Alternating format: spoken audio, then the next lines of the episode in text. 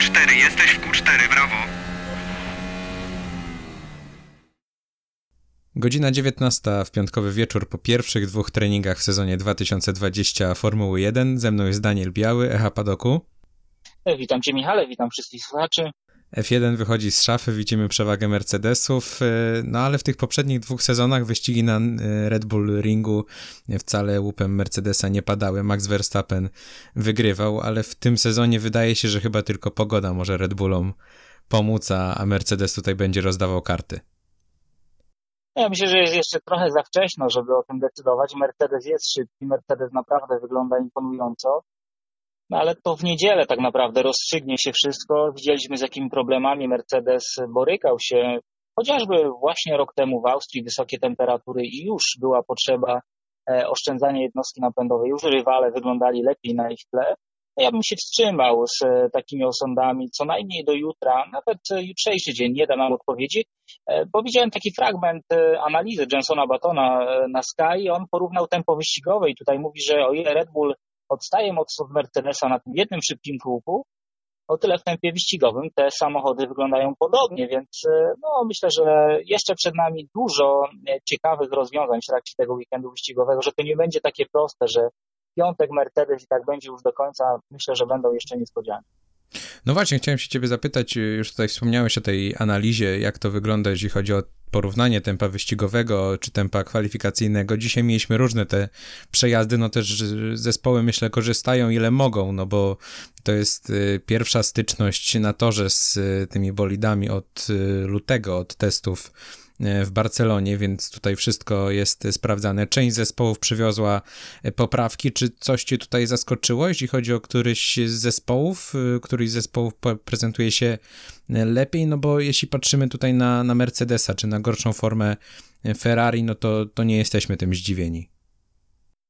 To znaczy, zaskoczeniem na minus na pewno jest sytuacja Ferrari. Ferrari Mattia to otwarcie powiedział, że ta ścieżka rozwoju, którą przyjęli sobie, okazała się no, mało obiecująca, więc zdecydowali się zarzucić tamte kierunki rozwoju i wymyślili coś nowego, czego efekty zobaczymy na Węgrzech. I to jest trochę zaskoczenie dla mnie. To jest kolejny raz ten sam scenariusz, który widzieliśmy. Wczoraj czytałem trochę komentarzy włoskich kibiców i oni już mają dosyć tych ciągłych wymówek i tego ciągłego tłumaczenia, że miało być lepiej, finalnie jest jeszcze gorzej e, niż było.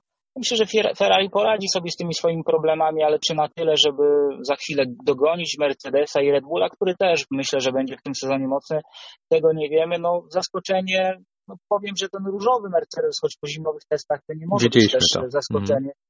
Mm. Zaskoczenie jakieś specjalne. Widzieliśmy, jak e, dobre tempo pokazywali obaj kierowcy i w jakim nastroju byli przedstawiciele zespołów. Oni w Australii chcieli się ścigać e, mimo tego, co się tam działo, bo wiedzieli, jak dobrym samochodem e, dysponują.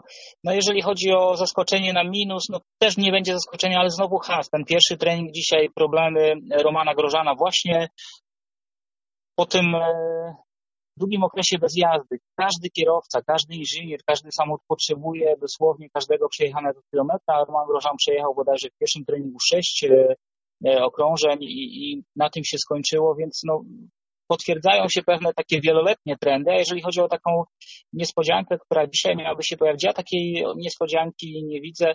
No może Renault, które przywiozło zupełnie e, nowy pakiet, nowe sekcje boczne, nowe przednie skrzydło, tam jest pozornie kosmetyczna zmiana w tym przednim skrzydle, ale to jest rewolucja, jeżeli chodzi o zarządzanie tym, co się dzieje wokół samochodu.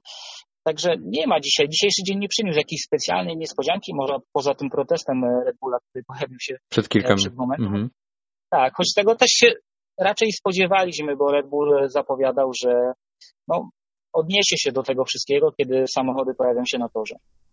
No właśnie, Christian Horner chwalił, mówił, że to jest sprytne rozwiązanie i brawa dla inżynierów, ale, no właśnie, stawia to, ale że tutaj warto to sprawdzić, warto to opretestować. No, nad systemem DAS już lutym było głośno, już wydawało się, że mogą zebrać się chmury, wtedy Formuła 1 zdecydowała, że on jest legalny, no ale teraz mamy go w użyciu w oficjalnej mm, sesji i nie wiadomo, jak tutaj zareagują władze. Jeśli chodzi o, o system DAS i, i, też mówiłeś o Racing Point, no to tutaj jakby te problemy związane z ewentualnym protestem jakoś spinają oba te zespoły, no bo nie wiemy też, czy właśnie Racing Point za to mm, wykupienie sporej sporej części samochodu Mercedesa z zeszłego roku, no też nie będzie miało jakichś problemów.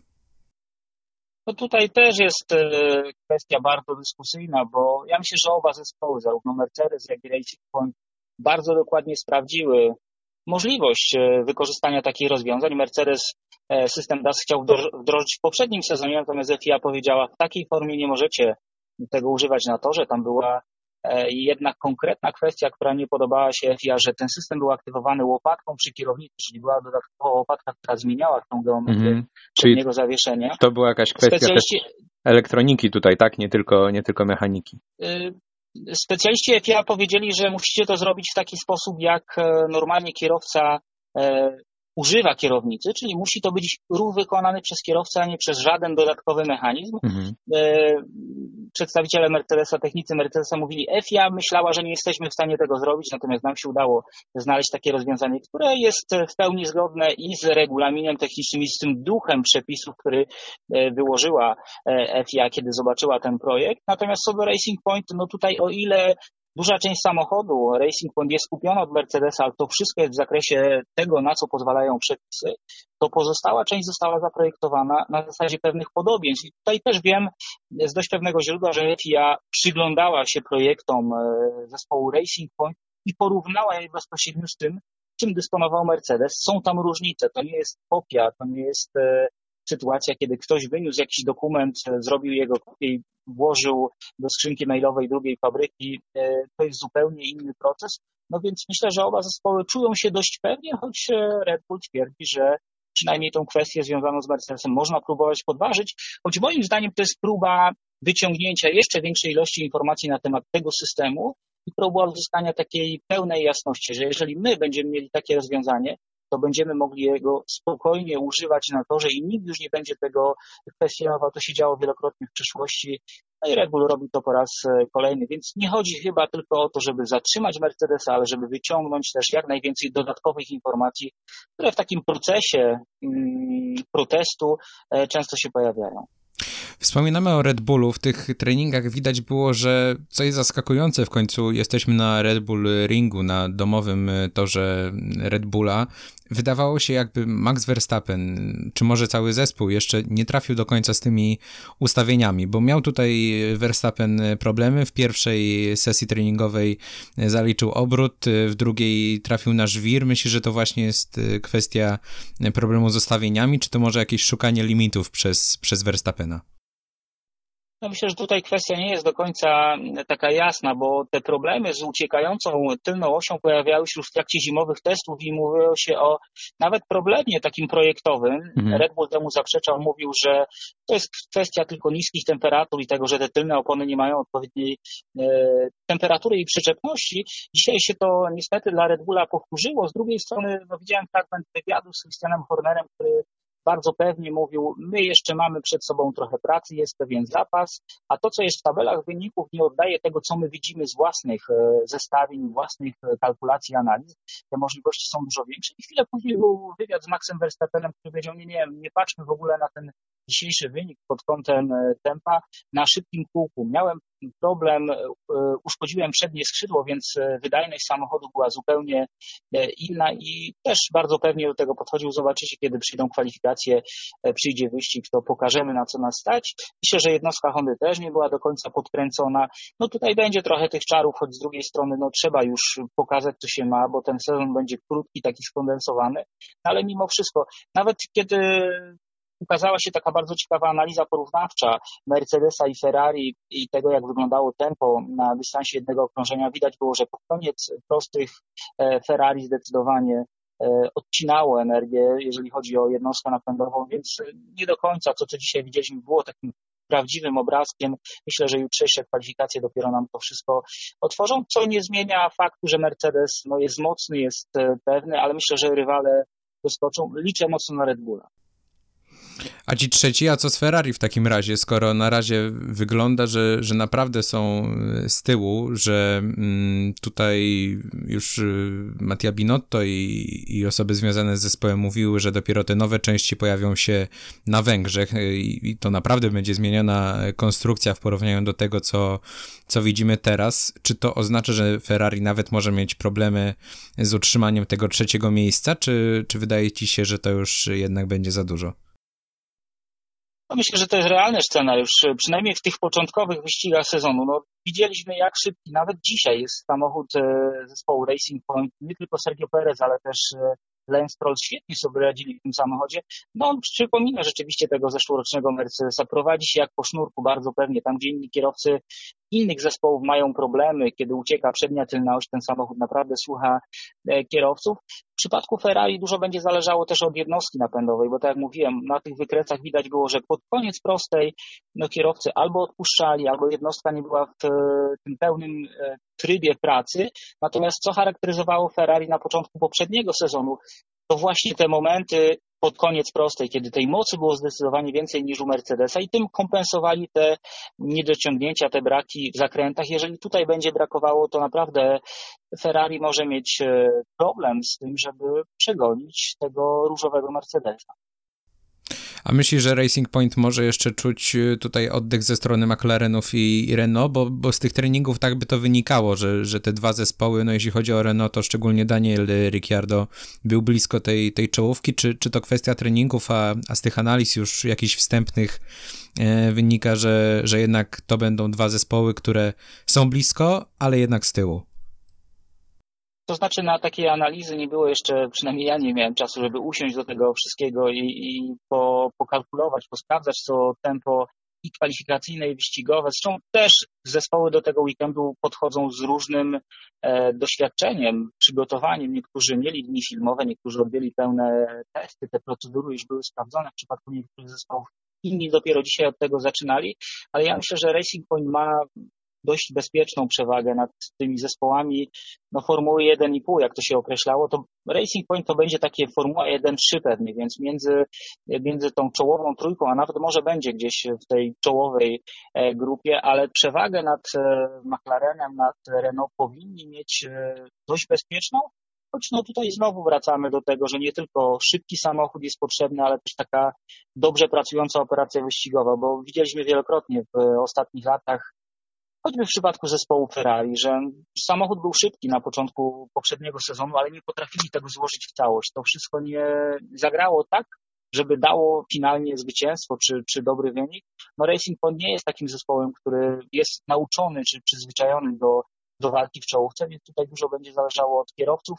Myślę, że samochód stać na to, żeby dokleić się do tej czołowej trójki. Zobaczymy, co zrobią kierowcy. Czy Perez potwierdzi to, że jest niedocenianym kierowcą, czy Stroll pokaże, że nie tylko pieniądze, ale też talent kryją się za jego obecnością w Formule 1. Będzie bardzo ciekawe, takie nawet e, nowe dla nas wszystkich doświadczenie, że takie mity jak na przykład Lenz, czyli kierowca, który jeździ tylko dlatego, że ma bogatego taty, czy Sergio Perez, który też zawsze miał ze sobą bagaż sponsorów, pokażą, że rzeczywiście tam jest talent, że w szybkim samochodzie również tacy kierowcy czy kierowcy z takimi etykietkami już przylepionymi od, od samego początku mogą naprawdę pokazać się z dobrej strony i powalczyć na torze.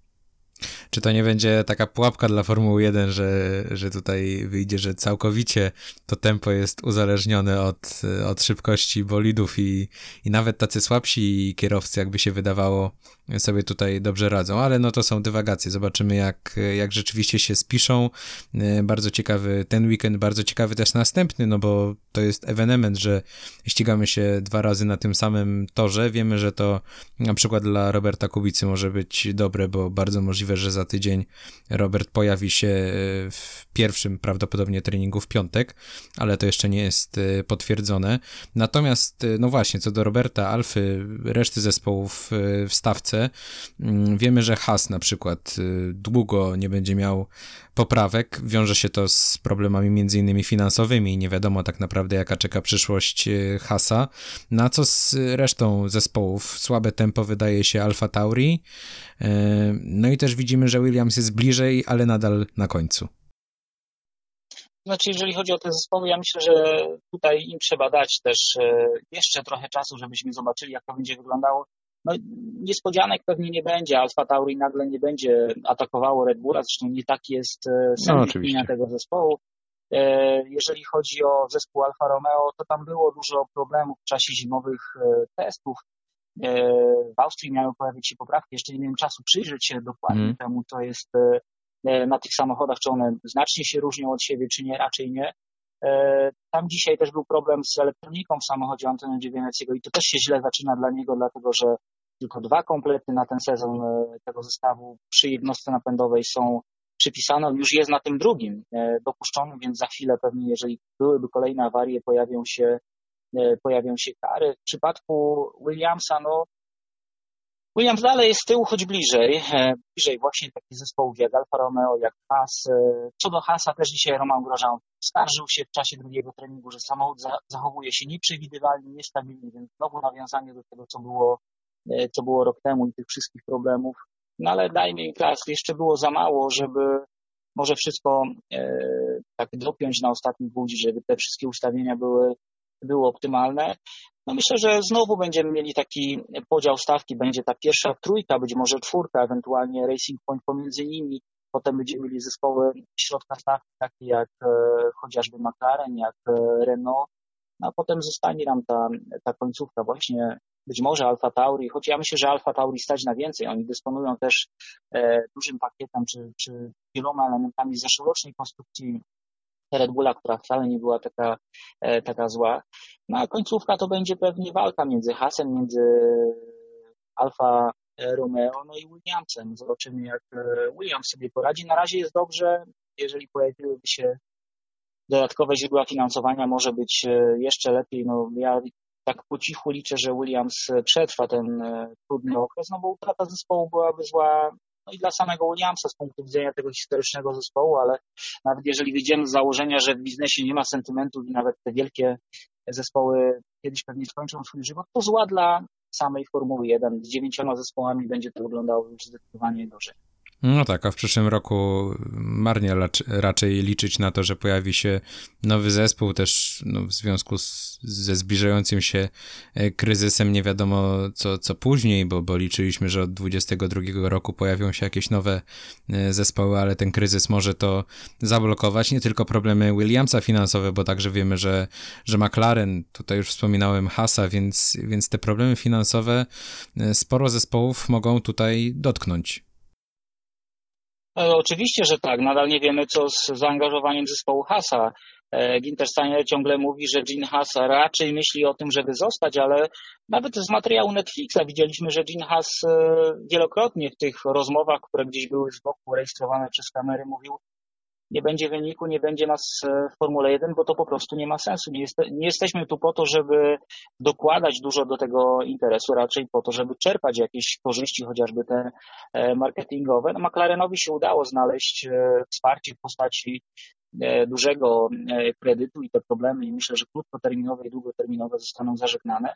No ale nie wiemy, jak też będzie wyglądała przyszłość, jeżeli chodzi o finanse, jeżeli chodzi o sponsorów. E, Formuła 1 coraz bardziej ucieka w tą płatną telewizję, dociera do coraz mniejszej ilości odbiorców, a to ma ogromny wpływ na odbiór e, sponsorów. E, sponsorzy już, jak dostają te swoje raporty tego, jak często ich logotypy są promowane, widzą coraz mniejsze liczby, więc to ta chęć do zaangażowania się w Formułę 1 dla, dla sponsorów może być z roku na rok jeszcze mniejsza, no a to będzie stawiało zespoły przed jeszcze trudniejszym zadaniem, żeby mimo tych limitów budżetowych, które i tak są dość, e, dość wysokie, znaleźć środki, żeby się po prostu silać. Dzieje się także poza torem, o czym już teraz chwilę rozmawialiśmy, bo dzisiaj Sebastian Vettel y, udzielił w jednej z rozmów takiej odpowiedzi, że Mattia Binotto z nim nie rozmawiał i tak naprawdę mu kontraktu nie proponował, że Vettel dostał tylko telefon, w którym Binotto powiedział, że kończą e, współpracę. Czy pojawiły się takie opinie, że, że Vettel może w ogóle nie dokończyć tego sezonu z Ferrari? Czy, czy to myślisz, że jest e, możliwe? Czy tutaj Vettel dojedzie do końca sezonu. No i twoim zdaniem jaka jest przyszłość w ogóle Sebastiana e, Fetela? No bo na razie zupełnie trudno wyrokować tak naprawdę, w którą to stronę pójdzie. Znaczy, historia Sebastiana Vettela dla mnie przynajmniej jest dość spójna, bo był taki moment, kiedy pojawiły się informacje o tym, że rozpoczął się kryzys i obaj kierowcy e, otrzymali propozycję, nie powiem, że nie do odrzucenia, bo odrzucił ją Sebastian Vettel, ale obniżenia swojego wynagrodzenia. I Sebastian Vettel miał powiedzieć nie. Mhm. Z czym Charles Leclerc się na, się na to zgodził. Być może to był taki moment, który przechylił tą, tą czarę goryczy i Ferrari po prostu powiedziało, że no mamy kierowcę, który jest już na końcu tej swojej, swojej drogi, jeżeli ten, chodzi o ten ich program przygotowany wewnętrznie przez e, Ferrari. Mamy kierowcę, który no mimo sukcesów nie chciał za, za bardzo z nami współpracować na torze, tych tarć było bardzo dużo i teraz w tak trudnym momencie, w takim kryzysowym momencie też nie chce współpracować to może my nie chcemy już dalej z tym kierowcą e, iść. Być może to był taki element, który zadecydował o tym, że zmieniło się podejście do e, Sebastiana Fetela i stwierdzili, że to warto rozpocząć nowy rozdział, otworzyć nowy rozdział. Mają bardzo młodego, zdolnego kierowcę w postaci Charlesa Leclerca, no i sięgnęli po drugiego młodego, będą budowali to wszystko od nowa już wokół e, innych kierowców. No, nie wiem, jak wyglądały te, te stosunki między Sebastianem Vettelem a Matteją Mino to wcześniej. Vettel sugerował, że były jakieś rozmowy, że były deklaracje chęci dalszej współpracy, potem to się wszystko urwało, stanęło w zasadzie na niczym, nawet nie było rozmowy o kolejnym e, kontrakcie. No to jest trudny biznes e, tak naprawdę, duże pieniądze, też trudna sytuacja dla, dla Ferrari, kiedy kryzys się rozpoczął, bo stanęły stanęły fabryki, na pewno to myślenie było zupełnie inne i pewnie decyzje byłyby inne, gdyby nie doszło do tego kryzysu, gdyby świat e, kręcił się nadal e, w taki sam sposób. No myślę, że Sebastian Vettel nie może mieć tutaj specjalnie pretensji do zespołu Ferrari. Nikt go zespołu nie wyrzucił, po prostu nie przedłużono mu kontraktu. Myślę, że powinniśmy patrzeć na to wszystko właśnie z tego punktu widzenia, z tej perspektywy. No nie ma nic e, pewnego ponad to, co zostało już zapisane w istniejącym kontrakcie. No i ciekawe, co, co dalej z Sebastianem Vetterem, co z jego y, przyszłością. Nie wiem, na co tutaj Vettel liczy. Tutaj pojawiają się różne scenariusze, na co Sebastian liczy. No on powiedział wczoraj chyba w czasie dnia medialnego, że nie ma w tej chwili kontraktu, nie wie, gdzie będzie jeździł, natomiast daje sobie czas na to, żeby no, znaleźć sobie nowego pracodawcę. Widać, że chyba chęć do rywalizacji mhm. nadal jest. A co sugeruje, przynajmniej mi, że Sebastian Vettel wcale nie będzie chciał odchodzić i zostawiać e, wolnego fotela dla kogokolwiek Ferrari już w tym sezonie, tylko on będzie chciał pokazać, że nadal jest kierowcą, którego stać na bardzo dużo.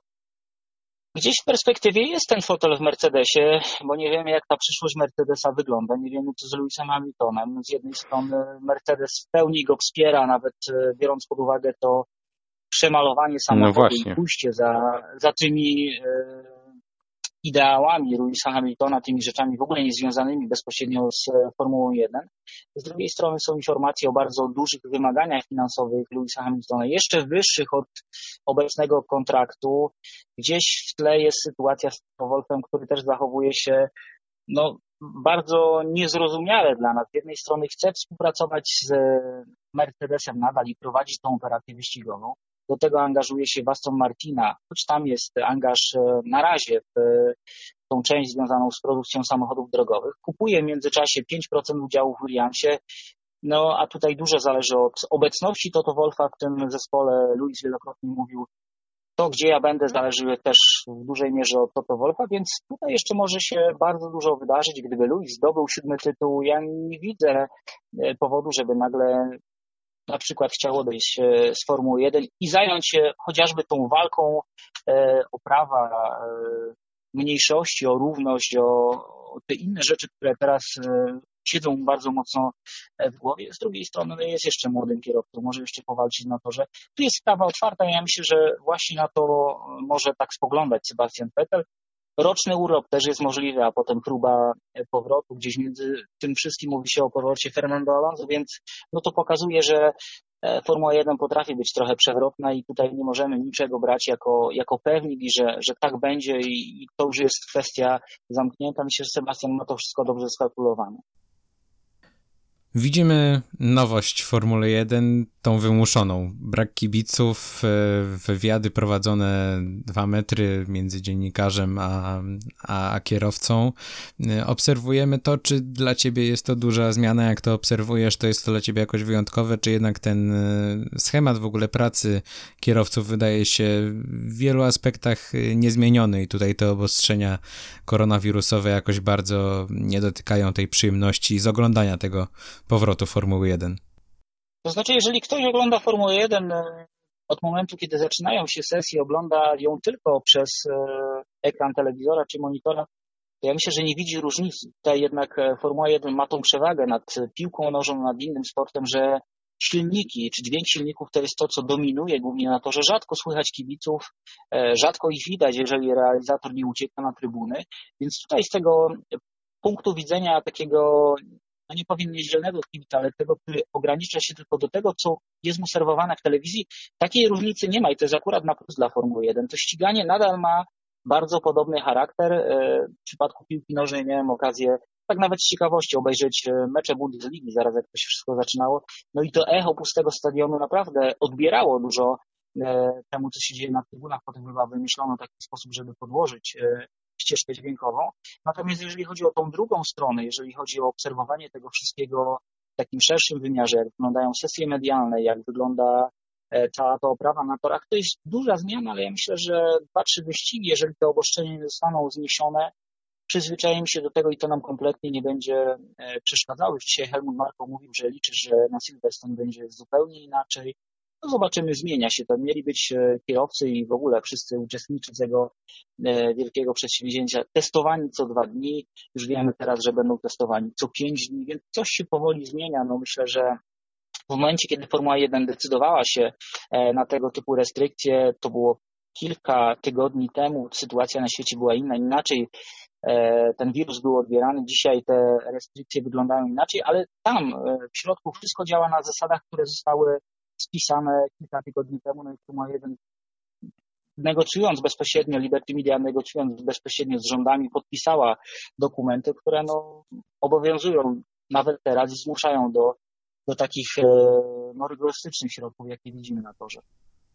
No tak, i też musimy wziąć e, pod uwagę, że Formuła 1 aktualnie ściga się w Austrii, czyli w miejscu, gdzie właściwie już z tym wirusem na ten moment przynajmniej sobie poradzono. Nie wiadomo, co, co z dalszą częścią sezonu. Mieliśmy poznać teraz e, rozszerzony kalendarz i, i tak naprawdę już cały kalendarz na, na ten sezon, ale Chase Carey mówi, że jeszcze musimy chwilę na to poczekać właśnie w związku z pandemią, ponieważ w Stanach Zjednoczonych sytuacja nie jest wcale lepsza, a nawet bym powiedział, że jest coraz gorsza, chociaż no można też sobie z tym poradzić, bo w końcu NASCAR od kilku tygodni się ściga, podobnie seria IndyCar y, wystartowała, także tutaj można sobie z tym poradzić w świecie, w świecie wyścigów. Danielu, bardzo Ci dziękuję. Jeszcze jakbyś na koniec naszej rozmowy mógł powiedzieć, jak przewidujesz w kwalifikacjach i, i w wyścigu pierwszą, pierwszą trójkę i może kto tutaj najbardziej może zaskoczyć?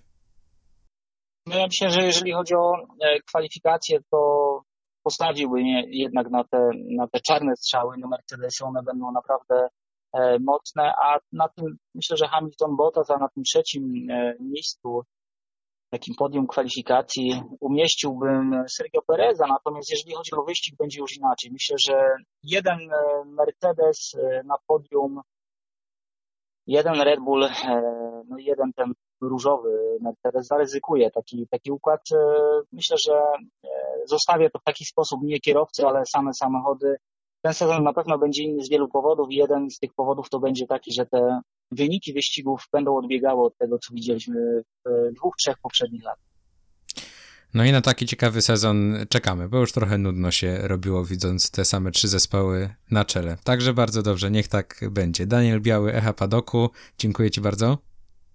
Dziękuję za zaproszenie, pozdrawiam.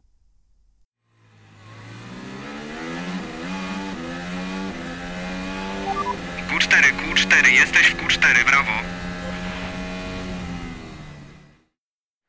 Dzień dobry, Jakub Spychała. Zapraszam na podsumowanie najważniejszych wydarzeń tygodnia. Nowe malowanie bolidów zaprezentowały w ostatnich dniach Williams, Mercedes i McLaren. Nowa kolorystyka byłego teamu Roberta Kubicy podyktowana została wycofaniem się tytularnego sponsora firmy Rocket. Malowanie Mercedesa w tym sezonie wyjątkowo będzie czarne oraz opatrzone hasłem wpisującym się w aktualną walkę z rasizmem. McLaren natomiast postawił na dodanie do swojego bolidu motywu tęczy. Burze wywołały słowa Berniego Ecclestona. Brytyjczyk skomentował zaangażowanie Louisa Hamiltona w walkę z rasizmem i powołaną przez niego organizację The Hamilton Commission. W charakterystyczny dla siebie kontrowersyjny sposób odniósł się do nowych inicjatyw skierowanych przeciwko rasizmowi. Największe poruszenie i sprzeciw wzbudziły słowa Ecclestona, że, cytując, w wielu przypadkach ludzie czarni są większymi rasistami niż biali. Wypowiedź ta spotkała się ze zdecydowaną krytyką świata Formuły 1. Sam zaś Ecclestone nie pojawi się w tym roku na rozpoczęciu sezonu F1. Bardzo prawdopodobne, że Formuła 1 zagości na torze w Mugello. Drugie Grand Prix we Włoszech miałoby odbyć się tydzień po Moncy. Możliwe też, że kierowcy zmierzą się w Portugalii na torze Portimao oraz na niemieckim Hockenheim. Informacje na temat kształtu nowego kalendarza powinniśmy spodziewać się już niedługo. Wciąż trwa walka o życie Alexa Zanardiego. Jak donosi portal Motorsport Grand Prix, Zanardi przeszedł drugą neurochirurgiczną operację i pozostaje w stanie ciężkim na oddziale intensywnej terapii szpitala w Sienie. Były włoski kierowca F1 uległ dwa tygodnie temu poważnemu wypadkowi drogowemu, kiedy to zderzył się z nadjeżdżającą ciężarówką w wyścigu na swoim handbajku. 53-letni Włoch po przetransportowaniu do szpitala został poddany operacji neurochirurgicznej, a także szczękowo-twarzowej z powodu ciężkiego urazu głowy. Jego stan określany jest teraz jako ciężki, ale stabilny. Wypadkowi, ale tym razem już nie tak drastycznemu, uległ także Andrea Dovizioso. Zawodnik MotoGP złamał obojczyk podczas zawodów motocrossowych w Faency. W sytuacji, gdy tegoroczny kalendarz będzie bardzo napięty, takie wypadki mogą eliminować zawodników na więcej wyścigów niż zwykle. Zespół Ducati wierzy jednak, że po operacji Dovizioso zdąży wykurować się na start sezonu MotoGP 19 lipca. Daniel Abt powróci do rywalizacji w Formule E. Jak donosi portal Motorsport Grand Prix, Niemiec pojawi się na torze podczas potrójnej rundy w Berlinie, zastępując Making Hua w zespole NIO 333. Niemiecki kierowca rozstał się z zespołem Audi, w którym rywalizował z Lucasem Di Grassi po kontrowersji, do jakiej doprowadził w jednym z wyścigów Race at Home Challenge. Wtedy to, podczas ostatniej rundy, za kierownicą zmienił go profesjonalny kierowca ścigający się na co dzień w symulatorach.